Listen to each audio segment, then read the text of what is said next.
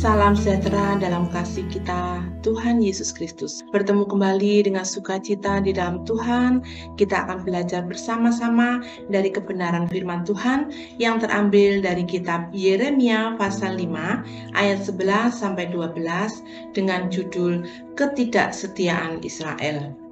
Salah satu sifat Allah adalah setia. Dia adalah yang setia dalam segala perkara. Oleh sebab itu, dia pun ingin supaya kita sebagai umatnya memiliki kesetiaan kepadanya. Namun kenyataannya di dalam bacaan tadi bahwa pernyataan Allah tidak dipedulikan oleh bangsa Israel. Israel sebagai umat pilihan Allah berlaku tidak setia kepada Allah mereka menyembah ilah-ilah lain, melakukan dosa-dosa yang menyakitkan hati Tuhan.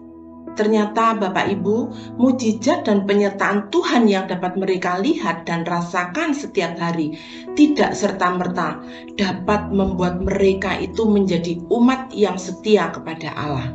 Hal inilah yang membuat hati Allah sakit oleh sebab itu, bangsa Israel menerima hukuman yang daripada Allah. Kesetiaan memang bukan hal yang mudah untuk kita lakukan, Bapak Ibu.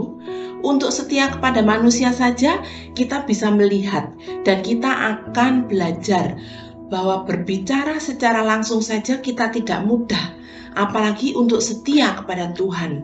Namun, Bapak Ibu, sebagai umat pilihan, sebagai umat yang telah ditebus oleh Allah, kita semua wajib dan harus belajar untuk hidup setia seperti Kristus telah hidup.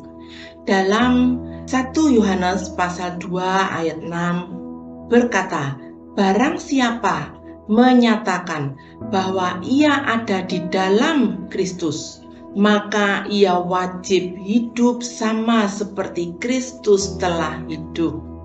Kristus setia menyelesaikan seluruh rangkaian penyelamatannya bagi dunia ini. Allah adalah Allah yang setia. Maka Bapak Ibu, kita pun harus belajar untuk terus meneladani kehidupan Kristus.